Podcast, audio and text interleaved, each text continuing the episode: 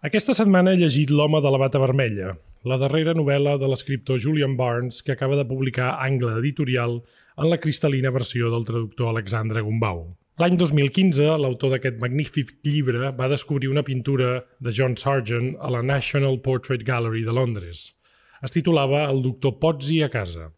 Barnes, un francòfil declarat, va enamorar-se del posat d'aquest home guapíssim, elegant com un dandi, amb uns dits prims i esfilagarçats, pràcticament infinits i maleables com els del pianista Vladimir Horowitz. Investigant sobre el retratat, descobriria després aquests dits i aquesta mà feien honor a un dels cirurgians i ginecòlegs més importants de la Belle Époque parisenca. A partir de la pintura, Barnes va començar un viatge disfressat de Montaigne per capbussar-se en aquella època, una excursió que comença el 1885 amb una visita del metge i seductor a Londres amb dos dels seus amics aristòcrates, el príncep de Polignac i el baró de Montesquieu-Fenzenzac, amb l'objectiu, diu l'original, de fer-hi intellectual and decorative shopping. A mesura que avancem en aquest llibre farcit i replet de saviesa, potser pel meu gust amb una pulsió enciclopèdica un pèl accelerada, Barnes ens fa venir salivera amb un personatge excepcional que el darwinisme de la història ens havia amagat, com deia, un metge sensacional. El llibre s'insinua, de fet, que és un dels primers proabortistes. Una figura complexa, perquè, en certa manera, ajuda a salvar la vida de les dones, però també les utilitza com un objecte per omplir la seva vanitat de burgès que potser hauria volgut néixer noble, com els seus companys de viatge. Aquest parell d'individus també tenen la seva tela. Montesquieu va ser, en gran part, el model d'homosexual que inspirà el valor de Charleuse, a un tal Marcel Proust, amic d'aquesta illa. I també en Jean de Sens a la Revolte de Huysmans. I Polignac és un dels últims fills de la reialesa francesa que viu com un monarca en una república de científics. Però el personatge que captiva Barnes, i a nosaltres, se li nota d'entubí, és Pozzi, el científic d'aparença cosmopolita, el filàntrop que alhora és una espècie molt particular de Don Joan, el treballador incansable a qui, a diferència de Baudelaire, li encanta agradar a tothom i recosir-ne les entranyes per salvar-li la vida. Pels que hagueu llegit altres llibres de Barnes, aquí hi trobareu l'escriptor de sempre, l'anglès il·lustrat, amant de la França del segle XIX on tothom semblava pixar colònia, un Barnes que escriu aquest llibre enfadadíssim i trist, fins i tot diria que ressentit, amb la seva terra natal arrel del Brexit, que és un dels indissimulats coautors d'aquest excel·lent llibre. La gràcia és que, per a reivindicar la vella Europa, Barnes hagi utilitzat precisament un home complex, mig allunyat dels grans relats historiogràfics i que reivindiqui l'escriptura de la biografia dels seus individus més singulars com una de les feines més apassionants que pot fer un escriptor. Ho defineix, ara sí, molt a l'anglesa. A collection of wholes tied together with string. Aclareixo, per cert, que és un llibre on hi ha un womanizer i dos homosexuals, però que també reserva un paper estel·lar a algunes de les dones amb qui es van topar, dones importantíssimes. Aquest llibre és, doncs, una capbussada al passat per reclamar els lligams d'un continent que s'enfonsa en un present boirós i la reivindicació d'una certa època d'il·lustrats llibertaris que ens recorden que l'alegria i l'essència també incluïen un punt de diversió. Avui, a l'illa de Mayans, no només parlarem de l'home de la bata vermella, sinó també de l'univers d'aquest autor, i ho farem amb la seva ambaixadora editorial a Catalunya i el seu traductor. M'agradarà preguntar-los si Barts és un dels últims il·lustrats dels nostres temps.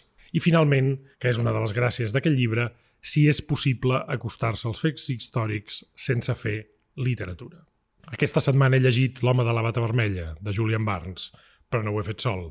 Amb mi ho han fet el poeta Jaume C. Pons a l'Horda i la crítica Marina Porres. Soc en Bernat de Déu i sou a l'illa de Mayans, el podcast Dona Llibre. This is my island in the sun where my people have toiled since time begun. I may sail on many a sea, her shores will always be home to me. Oh, island in the sun, Ill to me by my father's hand. All my days I will sing in praise of your forest waters, your shining sun.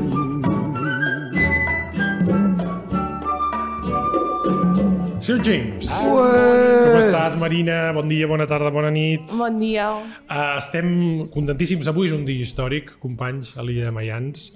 La frisança anotativa de les llibretes dels meus dos corresponsals en el món de la narrativa està a punt d'explotar. En Jaume té unes lletres vermelles que sembla que les hagi escrit el mateix Pozzi amb els seus dits. Fent o no a Pozzi, precisament. I tenim l'Alexandra Gumbau, que ha traduït no només aquest llibre fantàstic, sinó part dels llibres que ha editat eh, Angle. Benvingut, com estàs, Alexandra? Doncs encantat. Moltes, moltes gràcies per ser amb nosaltres. Ens explicaràs què comporta traduir aquest tità viu de les lletres angleses i aquest novel·lista fantàstic. No sé si t'he de dir cònsul, ambaixadora o enamorada... La reina. La reina, la reina de Julian Bars a Catalunya, editora d'Angle Editorial. Rosa, benvinguda. Bon dia, moltes gràcies. Cal dir que la Rosa, a part de ser amiga meva, ha editat alguna novel·la d'algú que no sé... Ara no sé No recordar. fotis. Em sembla que ha editat alguna novel·la de Jaume C. Pons a l'Horda. Per tant, Hòstia, és veritat. Amb un micropoder molt femení, molt intel·ligent, ha assegurat la nostra absoluta falta d'objectivitat en els seus productes editorials. Per tant, aquesta és una illa de Mayans, ja ho volem dir, perquè nosaltres no amaguem res als nostres oients. Eh, vaja, absolutament volcada al seu autor, que és realment un autor molt interessant. Vull començar preguntant-li a, la, a la Rosa, clar, llibres d'Angle i de Julian Bars hi ha moltíssims. Repassem una mica Arthur i George, Res a tema, Pulsacions, El sentit d'un final, El soroll del temps, Nivells de vida, que és un llibre fantàstic, L'única història, eh, per tant, una pila de llibres i ara aquest llibre molt particular, dels més particulars de, de Barnes. Eh, Com vas descobrir aquest autor? Mira, la, el primer que vam publicar, nosaltres hem publicat vuit títols i el primer va ser Arthur i George, que va ser nominat al Premi Man Booker, que no va guanyar, i havia estat nominat pel Lloro de Flaubert, que de fet és el llibre amb el que jo el vaig descobrir com a lectora, uh -huh. aquest llibre. I bueno, vam contractar Arthur i George en un moment en el què Julian Bars no estava en català, és a dir, no, no, no hi havia ningú lluitant per, uh -huh. per aquest títol, i que és una novel·la de, molt diferent a la resta que, de la producció de Julian Barnes. És una novel·la que també parteix d'un cas real, eh, Arthur i George, de Conan Doyle, que és un dels seus també uh -huh. ídols, eh, defensant un tal George Egialdi, no sé si ho dic bé, que, que va ser acusat mm, d'un- d'una sèrie d'assassinats en l'Anglaterra també d'aquesta època i hi havia temes de racisme, hi havia temes de xenofòbia, de classe social, i a partir d'aquest cas real el que fa és una biografia amagada de Doyle, que això sí que és una cosa que després farà en altres llibres. Per exemple, a l'home de la bata vermella. Sí, sí, o en el seu llibre magnífic sobre Sostakovich, que és un llibre que O també va traduir l'Alexandra i que és molt interessant. Per tant, una de les primeres claus és aquesta, no? Donar les coses que trau primer de Barnes aquesta, com sí. A través dels fets històrics o com aglutinant fets històrics acaba fent literatura i acaba fent invenció, no? Jo, jo diria que és una de les columnes... Per, per qui no hagi llegit Barnes, podries dir que aquesta és una de les coses Sí. que, que sorprèn, no? Sí, jo crec que ell té una sèrie de temes recurrents. Eh, un dels temes és la història i de com agafa aquesta història i la reconverteix. Després hi ha un altre tema, que és la memòria, la memòria com a, com a identitat individual i la memòria com de vegades com a traïdora, de vegades com a que fa que som el que som, no? com a qüestió que, que et situa en un present en el que no pots desempallegar-te d'això no? i que la memòria forma part de la teva identitat.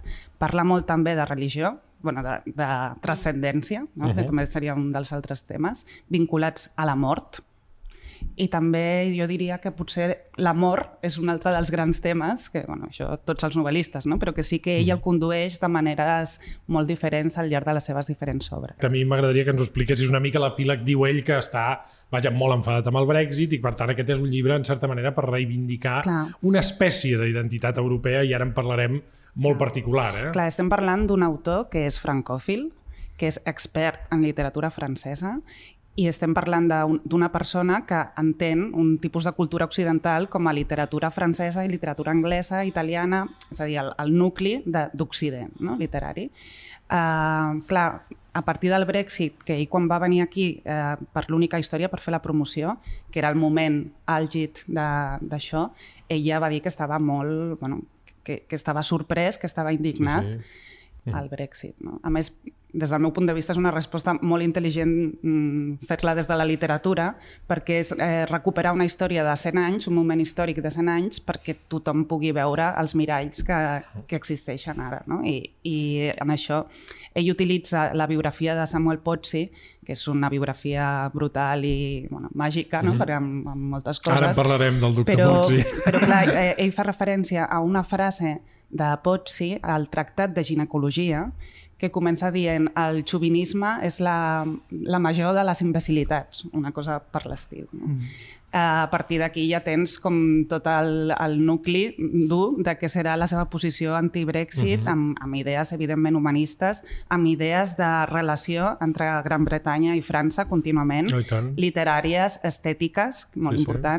Uh, De fet, comença amb un viatge a Londres, eh? un viatge Clar. d'uns estrangers a Londres, eh? clar. I, i també comença amb una il·luminació pel que fa a un personatge estranger com era, com era Pozzi, que era francès, però també amb orígens italians, com Sí, certifica el, sí, sí. el seu cognom. Hem parlat amb la reina de Barnes a Barcelona, però el germà putatiu el tenim al seu costat. Alexandre, no me recordo ja quantes n'has traduït de Barnes, unes quantes. Jo tampoc. La seva editora fa que set amb les mans, per tant, per Sí, tant sí. has conviscut amb aquest autor. I jo Sí. l'he definit una mica com potser un dels últims il·lustrats, Mm. en el sentit de, de la reivindicació del passat. És un autor molt detallista. Mm. És un autor que a vegades no sé com a traductor com te l'has de menjar perquè hi ha moltes referències, és d'una saviesa enciclopèdica, a vegades molt fred perquè és molt analista. Com t'hi has abocat als textos de Barnes? Que són també molt diferents, perquè hi ha textos més històrics, hi ha novel·les més, per dir-ho així, tradicionals. Què ha implicat? Perquè ara ja el tens, el tens a casa, diguéssim, és, és de la família. Bé, jo crec que te l'has de prendre amb tranquil·litat, perquè és el típic geni que sap molt, que ha llegit moltíssim. Aleshores, tu abordes els seus llibres amb tota fluidesa. És un home que sap conduir molt bé les històries. Pot ser una mica recargolat al principi i dius on em portarà tot això, Sí. però després ho encarrila i desemboca en, no sé, en unes, unes novel·les i uns, uns llibres de retrat històric com és aquest, absolutament increïbles, plens de, de dades. Jo, per exemple, amb, amb aquest llibre et sorprèn allò que has dit al principi de la quantitat d'informació enciclopèdica que et pot arribar a claparar. Sí, sí. Perquè És, és el llibre, digue- diguem-ho per, per dir-ho d'alguna manera, d'una rata de biblioteca. Sí, sí, sí. Indissimulada. Sí. Indissimulada. Sí, sí. Aleshores, doncs, t'has de deixar portar. O sigui, ell sap on va, doncs No et tu... va espantar tanta referència? Perquè jo suposo que quan llegeixes l'original, eh, quan la Rosa et diu Sí. hi ha un nou llibre del Barnes, tu, tu, aquella primera tarda deu ser, deu ser complicada, Sí. és a dir, deu fer il·lusió, però dius, Jo ai, ai, ai, ai. Tremolo una mica amb les notes a peu de pàgina, saps? Saps? És, és que és el que t'anava a dir, Aquesta, aquell llibre podia tenir Milers. milers de notes del Sí. traductor, però clar, és que el pobre traductor Sí, sí, hauria, hauria mort si hagués fet tantes I notes. una cosa que em passa molt, molt curiosa és que està molt ben il·lustrat. Perquè sí. té aquí una quantitat de fotografies, de la quantitat de personatges que hi surten, que no seria el mateix si no ho tinguessis, perquè tu vas llegint i pots veure qui és la Madame X del retrat de John Sí, sí. Singer. Començant pel mateix quadre, és a dir, clar, si Sí, nosaltres no sí, tinguéssim clar. el quadre a la No- no portada podries. i no veiéssim aquests dits meravellosos, que Sí. realment són uns dits que Sí, sí, ja sí. farien caure qualsevol ànima resistent, clar, no, no, no ho entendríem tant, no? Sí, sí, sí, doncs és això. O sigui, hi ha un moment que parla sobre una novel·la del, del Logan que abans ho estàvem parlant. O sigui, eh, critica una mica aquelles novel·les que estan tan ben localitzades i en el seu temps i geogràficament que la gent de 30 quilòmetres a la rodona sap perfectament de què estàs parlant Uh -huh. i què és el que estàs dient amb segones intencions. Però, clar, passat un temps o més enllà d'aquests 30 quilòmetres, et preguntes, i la gent sabrà tot això?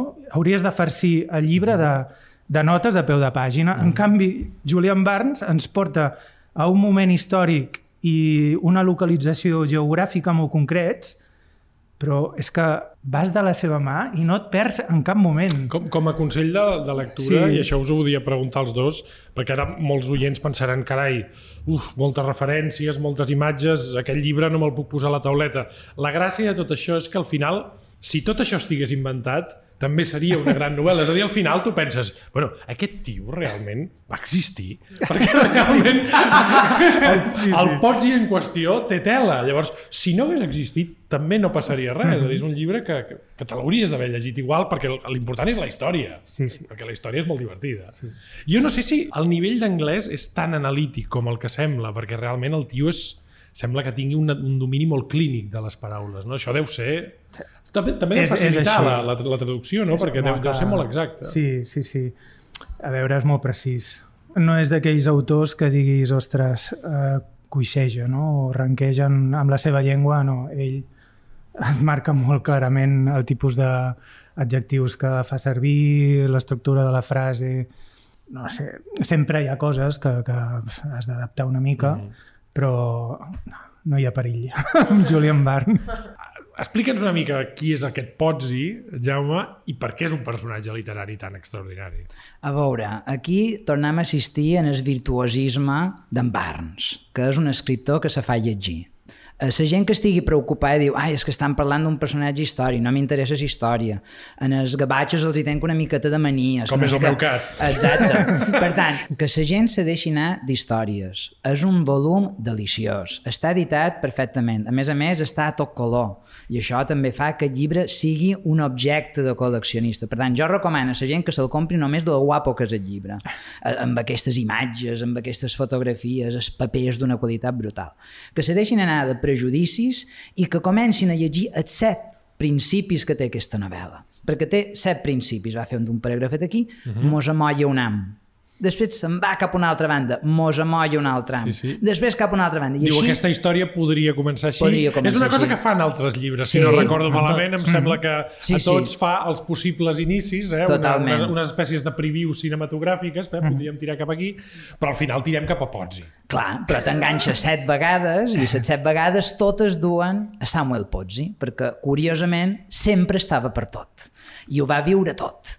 I en aquest sentit és apassionant veure la història d'aquest enamorat d'en Darwin, que va traduir precisament el seu origen de les espècies, cosa que va emprenyar molt a son pare, uh -huh. que era molt religiós. Aquesta persona que se va codejar amb els metges més prestigiosos de França i que el varen afillar, i així va ser com a poc a poc va anar escalant. Aquesta persona que, a més a més, va ser mestre eh, de germà d'en Proust, que li va obrir les primeres portes també com a metge, en aquest sentit, i que va estar ficat en totes les històries, amic de Montesquieu, amic d'en Lorraine, que és tot el contrari a Montesquieu, la persona que l'odiava mort. Per tant, a poc a poc anem veient aquesta panoràmica que mos fan bars, no només d'un país, sinó de dos, que són França i Gran Bretanya, i les seves connexions. I per això és un llibre polític. És un llibre polític en què mostra aquesta unió que Gran Bretanya no està isolada, però que hi ha hagut una sèrie d'esdeveniments històrics que han fet entendre als anglesos que no pertanyen a Europa. -huh. I aquest llibre és tot el contrari. Aquest llibre és el projecte d'un somni europeu és la història de quina manera tota Europa forma part d'aquesta literatura, d'aquesta societat, com ha dit abans la reina, d'aquesta estètica. Per tant, en aquest sentit, és un llibre apassionant i aprens moltíssimes coses i descobreixes aquestes connexions entre elles que fan que penetris amb aquest personatge. Pozzi, amb un final molt tràgic, que també va tenir moltes amants. I molt còmic. Molt còmic, també tràgic i còmic. No farem, potser, no, potser fem l'espoiler, no? No fem No, l'espoiler? no farem l'espoiler. Molt bé. Però molt jo bé, aniré doncs. acabant dient que abans has parlat de les dones bernates, vera? Sí. una de les primeres amants d'en Pozzi va ser na Sarah Bernhardt, Sí, sí, una poca- de poca artistes conya, de l'època. Clar, I a poc a poc anem veient que en efecte aquest home tenia el do de la ubiquitat, d'una gran elegància, que era un geni cultural i a més a més una persona apassionant que ha fet un llibre apassionant. I peeked in to say good night. Aquesta setmana vos voldria recomanar un diàleg imaginari d'en Lluís Maria Tudor a Club Editor, però no ho faré perquè na Marina Porres n'ha fet un article molt bonic i ella vos ho podrà recomanar millor que jo.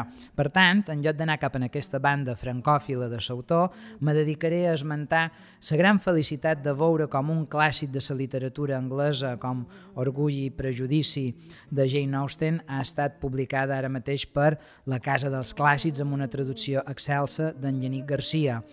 M'emociona moltíssim aquesta autora que vaig descobrir a filologia anglesa i que m'ha acompanyat sempre per la seva veu tan particular, per la seva capacitat de crear uns personatges meravellosos i unes històries no només arrelades en el seu temps, sinó capaces de viure en sa immortalitat fins ara.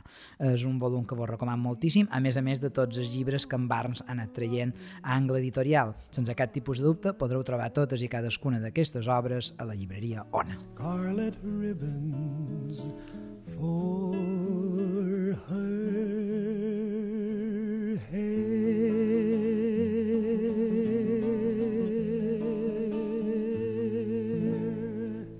El perill d'aquest llibre és que s'hauria pogut convertir en una suma de dades, però que al final el que, el que té d'important és la història i també la idealització d'una època, no? Com sí. ell agafa aquesta època que es veu que li agrada com un nen, perquè ell disfruta com un nen quan explica aquestes històries, i a més a més és, és aquest doble joc que fa Barnes, no? Ens explica unes coses que són històricament certes però que són fantàstiques, perquè hi ha moments que, que, que literalment al, al final, de mate, al final mateix del Costa de personatge creure. és, és fantàstic, no? Sí, jo, a, a, aquest llibre em va passar, al principi em feia por també, o sigui, quan vaig veure una, una història tan culturalista vaig pensar s'ha passat de pedant aquí, impossible que això funcioni, però de seguida es veu, o sigui, té, té molt mèrit aquest llibre perquè realment surt tothom. La quantitat de personatges que surten en aquest llibre, però alhora no se't fa mai pesat de dir, estàs lligant coses aparentment molt, molt allunyades i en totes sap crear la història, jo crec que té molt de mèrit. Jo crec que aquest és, o sigui, és, és el llibre d'un dels grans últims novel·listes europeus del segle XX. O sigui, Barnes és una figura que ja no pot tornar a existir. O sigui, ja és gairebé està a punt de ser una peça de museu, Sí. també. Eh? O Sí, sigui, sí, sí, és un sí. senyor que fa molt bons llibres, però té una concepció de la literatura lligada a aquesta idea d'Europa de dir, bueno, això ha donat fins aquí. És a dir, jo crec que això no pot tenir cap tipus de, de Sí, sí. continuïtat. Clar. A mi l'epíleg aquest sí que em sembla d'un...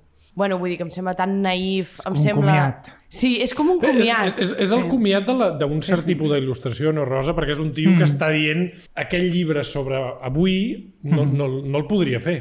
És a dir, se n'ha d'anar enrere perquè, sí. perquè aquestes històries no les podria trobar avui. En aquest, És en aquest sentit que jo parlo d'un autor nostàlgic. Sí, i a més a més, no és que reivindiqui aquest altre món exactament, però que sí que deixa clar que ell pertany a aquest món i que la vida que ell voldria tenir era continuar pertanyent a aquest món. No? Sí. En, aquest, sí. en aquesta clau sí que crec que és nostàlgic i, que, i sí que crec que és un comiat. I a mi l'epíleg, quan vaig arribar, a mi em va fer molta pena eh? de, mm -hmm. de pensar que, que era un comiat real perquè, perquè jo ho veia. Però també hi ha moments que li surt el dandi que té a sobre i hi ha una escena, per exemple, molt bonica que està en un escenari amb una noia despullada, l'agafa i la besa, en plan dient A la soc festa. el, soc el rei del mambo, és una festa, oi? tu t'imagines una, una festa, festa, sí. d'estudiants de medicina Exacte. en què el teu profe et surt allà amb una noia nua i li fa un petó a la boca i li diu feu com jo. Això ja ho diu tot del personatge. És, és, una, és una ambivalència i també el seu final tràgic fa que sigui una mica... Jo que diria que el que està cantant Barnes és la mort de la il·lustració. I, i de fet, un- d'una il·lustració alegre. És a dir, Sí. sí. aquest tio és la gràcia d'aquest personatge és que dius, hòstia, és un científic, és un dandy, és, és un salvador, però també és un... O sigui, són una sèrie de coses tan complicades de ser a la, a la vegada que ara seria, seria molt difícil, no, Marina? Tro- Trobar un, un personatge que ho ajuntés tot. Sí, és com una actualització de- d'un home del Renaixement, però revestit de, diguéssim, com la mala llet de la Belle Époque. Sí, perquè com que aquest llibre és un retrat de la Belle Époque, no? i ell, eh, Barnes agafa aquest ginecòleg per ensenyar-ne, jo crec que com totes les virtuts, o sigui, la cara de que brilla i també la cara fosca, i els seus defectes i les seves virtuts és com si lliguen amb els defectes i les virtuts de la seva època, i jo crec que està ben, ben És com- construït. sí. Jo crec que la novel·la és tan amena perquè, a més a més de donar-nos un munt de dades històriques, ofereix d'una quantitat de xafarderies, Totalment, sí, de, de catxull, saps? Allò de Sí, sí. a fer mullader, de, de un munt de coses que es fa molt divertit de llegir, perquè et condueix tota l'estona, tot va molt fluid. I que en realitat també hi ha molts llocs per on agafar-te, o sigui, que això de que hi surt tothom és realment, vull dir que hi ha Sí, sí, reflexions sí. interessantíssimes sobre Oscar Wilde, sobre el, la novel·la de Huysmans, Sí, el, el sí. Contra Natura, Mhm. també és un tractat sobre això, surt l'Afer Sí, Dreyfus, sí, surt... que és un dandy, que és Sí. el dandisme, que és la bellesa, Sí, sí, eh, sí, segons sí. Oscar Wilde, tot això. És, o sigui, no paren tota l'estona de portar un munt de coneixements. Pàgines de teoria literària, quasi, Sí. no? De, Sí, sí, de com sí. s'ha d'escriure o com el, eh, dialoguen el passat i el present en una novel·la. Clar, si, si Barnes només hagués fet una novel·la enciclopèdica, no crec que seria el, el notable o excel·lent escriptor que és, però també ell, ell reivindica, ell sent un tio, jo a vegades l'he vist, no l'he no sentit en alguna entrevista, sent un tio molt correcte, molt, pràcticament és un àngel, però té molta gràcia perquè ell també diu, ens ve a dir en aquell llibre que, hòstia, és que la gent aquella, a part de llesta, s'ho passava de conya. Sí. I aquí és on la xafarderia no és aquest follava amb l'altre, perquè, escolta. No. qualsevol època, tu te'n vas sí. a l'època mitjaval i, clar, els reis amb les reines, amb les cortesanes... Però diu, hòstia, és que aquests, aquesta gent era una gent que treballava, que llegia, que salvava vides, hòstia, i que sobre, i sobre el, el, el, el Pons i aquest agafa els seus alumnes i els hi fot una tia amb boles al costat i se la morreja. Dius, clar, és que és una època feliç. Sí, Oi, sí. Jaume? Aquest és, Sí. és, és, és l'elogi d'un d'un temps feliç que ell veu que, que, que no tornarà. Sí, i a més a més està tan ben fet en el sentit que mos fa participar d'aquest temps orgiàstic, en aquest temps de descobriments, en aquest temps d'eufòries, de banquets, de festes, d'orgies i a tot, i en el mateix temps mos diu, molt bé, la Belle Époque estava molt bé, però no era tan bel.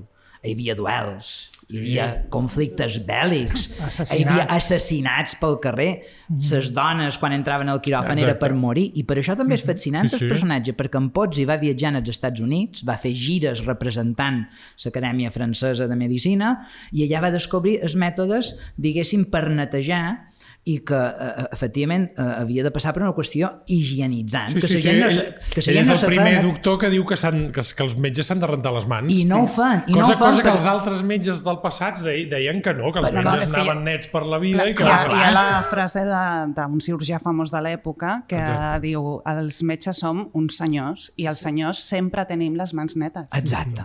És que jo crec que, a veure, eh, hi ha dos viatges, el, de- el seu com a metge, per il·lustrar-se amb els mètodes que han avançat allà, i en canvi hi ha els dandis, com és Montesquieu, no? que va allà a civilitzar els americans. Ell és no? un, eva- A ell és un evangel classes, evangelitzador. a donar lliçons. Clar, els yanquis, Sí, sí, perquè, sí. perquè els yanquis són una colla d'alfabets i, no, i són gent que no té classe, en Sí, general. exacte, és això. Sí, sí. Els hi va ensenyar bones maneres. Sí. Estan molt ben fets també els lligams, o sigui, és un llibre sobre la història creuada entre França i, i Anglaterra, però també la, el lligam amb Estats Units està super ben fet, amb figures, a més, molt, molt interessants, com tot el que explica d'Edith Barton, per exemple. Sí, sí. Està molt ben jugat. I la, o sigui, com els conflictes això entre l'aristocràcia i els diners i, i tot de temes. Tota la, la política matrimonial, no? Ah, Tota, em tota va- aquesta gent que estaven arruïnats a França i que llavors es casen amb milionàries dels Estats Units i que llavors elles els hi donen els diners i ells la posició. Sí, sí, Exacte, i és un tema que ha generat un munt de literatura Un munt. després i està molt ben explicat. Oh, my love, my darling, I've hungered for your touch.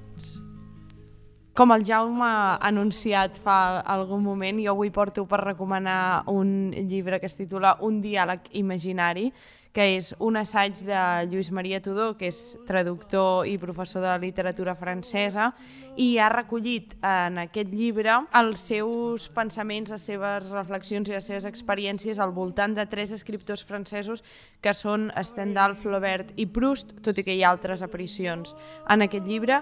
Crec que és un assaig interessantíssim que va molt, molt bé per ampliar tot el que hem llegit a l'home de la bata vermella, que és un tractat de francofília molt divertit i molt curiós i que agradarà a tots els lectors que hagin gaudit amb, amb l'home de la bata vermella.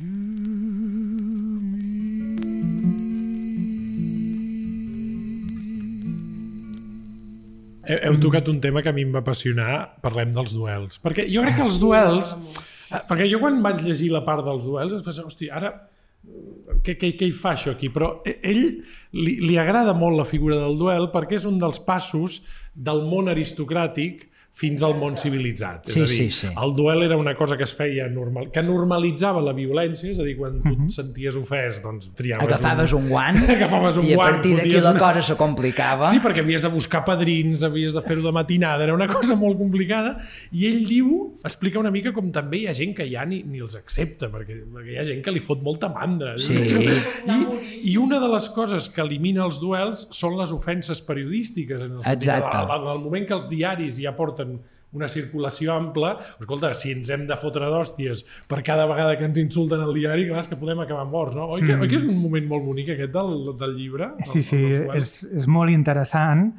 Um, hi ha una anècdota que explica allò de la, una propietària d'un restaurant que es van abatre, es van batre ja, no sé qui era, i ella diu, uh, en efecte, senyor, tornarem als bons temps del moviment bolangista, quan aquí solíem tenir fins a tres duels en un sol matí. O sigui, És, allò de, era, era, és un Burger King de duels. És a dir, el turisme del duel. El O sigui, tu anaves al restaurant on s'havia batut tal i tal, Sí, sí, a la sí. sala de ball.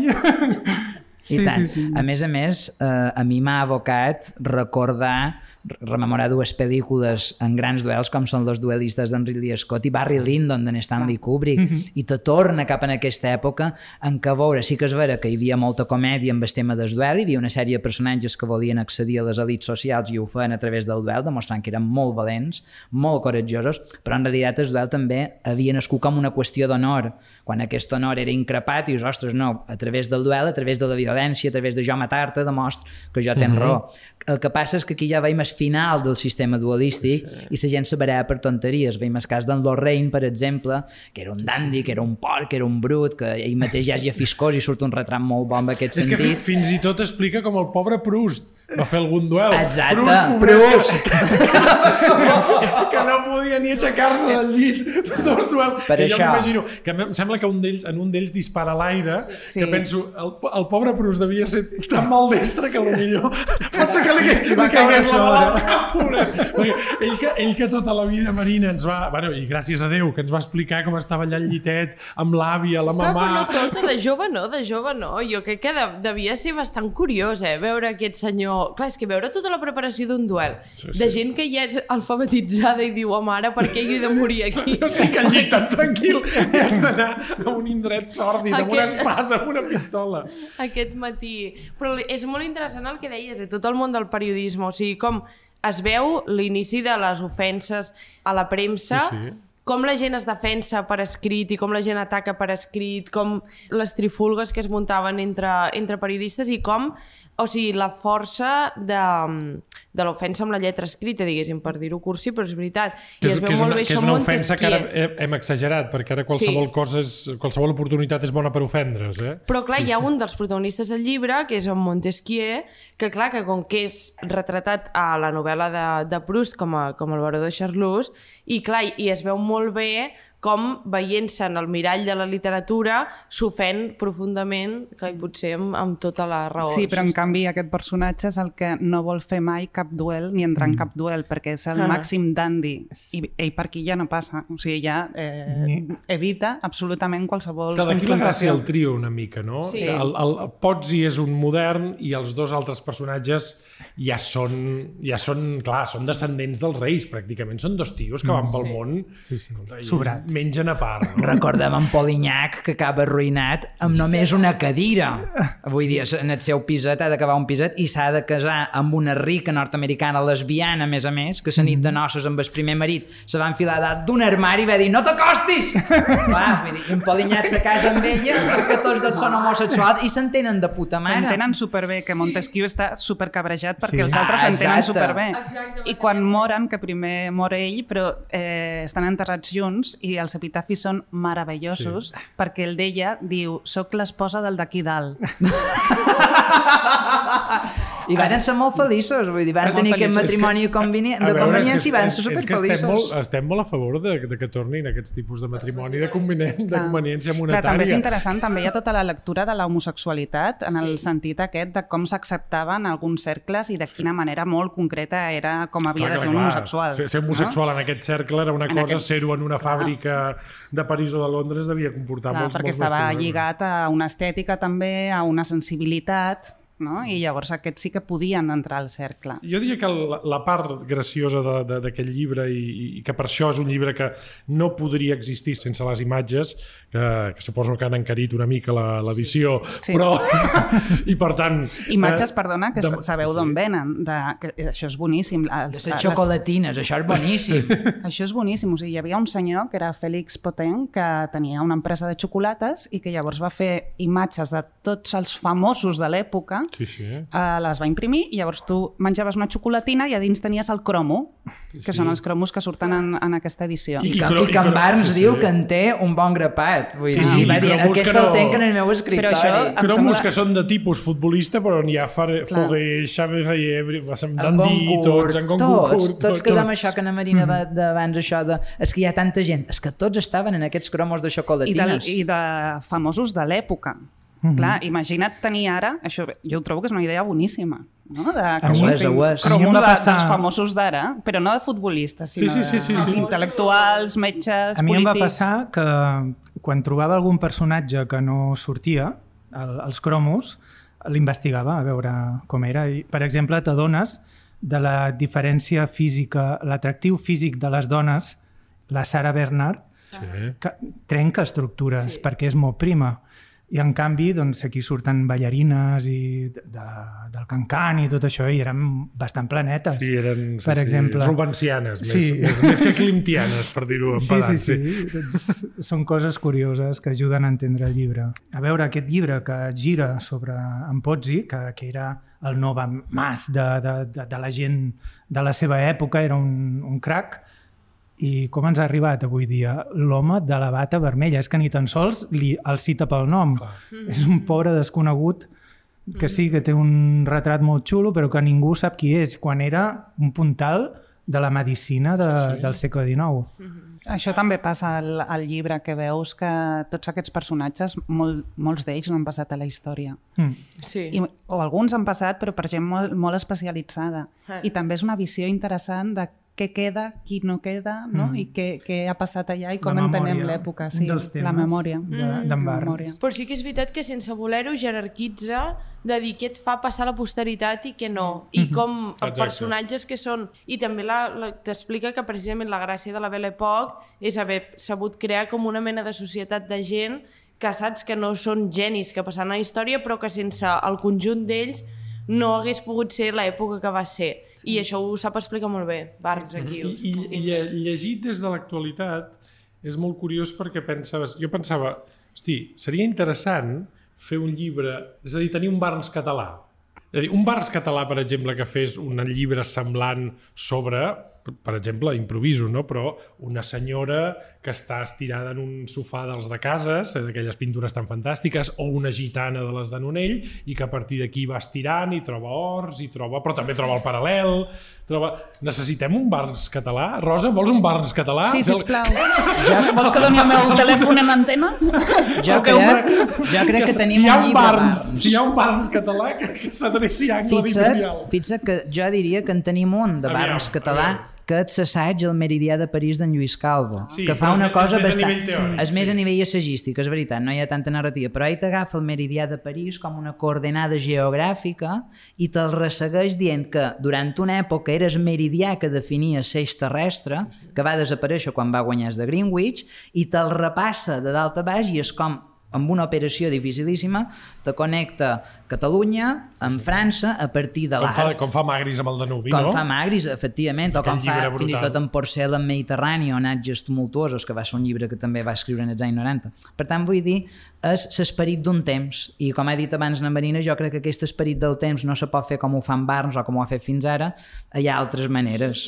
Bueno, per donar consells per si algú se, en plan s'anima a fer de Barnes, si algú vol fer això, que miri sobretot que a Barnes en realitat, o sigui, que per fer un llibre d'aquest i que no et quedi historicista uh, avorridíssim i que llavors seria inevitablement cursi, sí. necessites una idea que vagi com per sobre, és a dir, Barnes ha trobat la cosa aquesta d'aquest personatge que és un llibre pensador en un moment molt convuls, no sé què.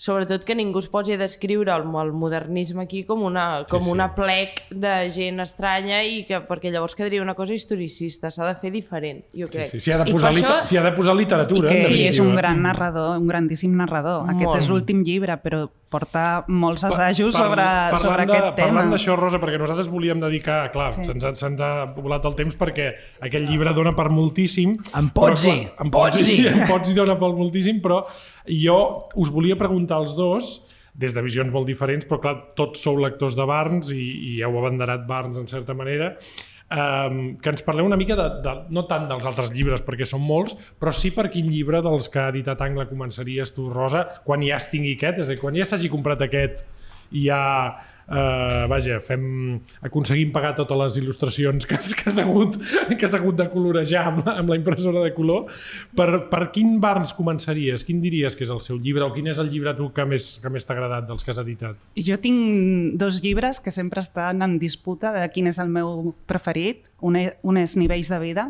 que és un llibre sobre el dol de, sí. de la seva dona, on hi ha tres parts d'aquest llibre. Hi ha una part que és eh, absolutament novel·lística, també narrativa, i hi ha una altra part que entra directament a parlar de, de què significa perdre una persona. Sí. I, i aquest llibre a mi em sembla meravellós.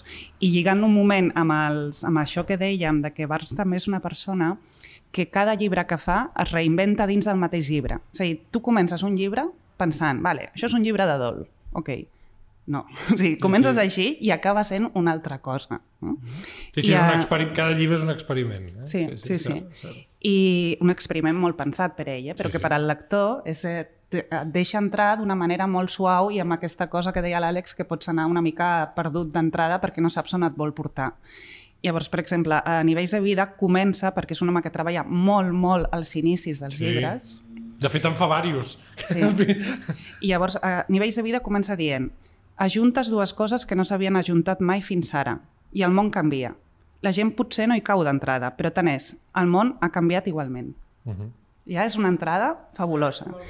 I l'altre, que, que és el meu preferit estones, quan no és aquest, és el sentit d'un final, que és una novel·la, és novel·la-novel·la. I és una novel·la que parla sobre la memòria.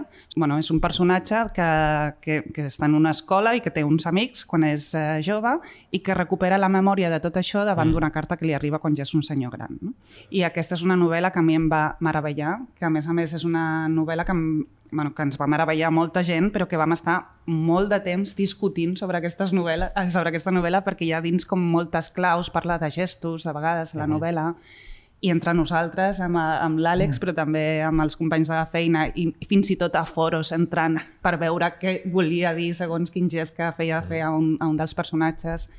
I és una novel·la fantàstica sobre, sobre això, sobre com ens enganyem a nosaltres mateixos, com pensem que han passat les coses i després un dia topes amb la realitat de no, allò no va passar com tu creies que havia passat. Alexandre, tu per on, per on començaries? Els, són tots teus, també. Són fills teus, ja sé que és molt difícil. Sí, fills bastards. però, però algun, algun potser és més alt i més guapo, o, o, o més Sí. coix i te l'estimes, no ho sé.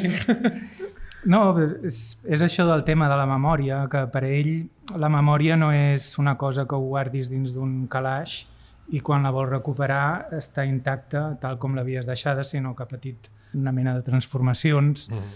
i és molt subjectiu tot. Jo per qui li faci una mica de mandra començar amb una novel·la i seguir-la fins al final, recomanaria també Pulsacions, que és contes. un, un recull de contes sí. i són meravellosos tots.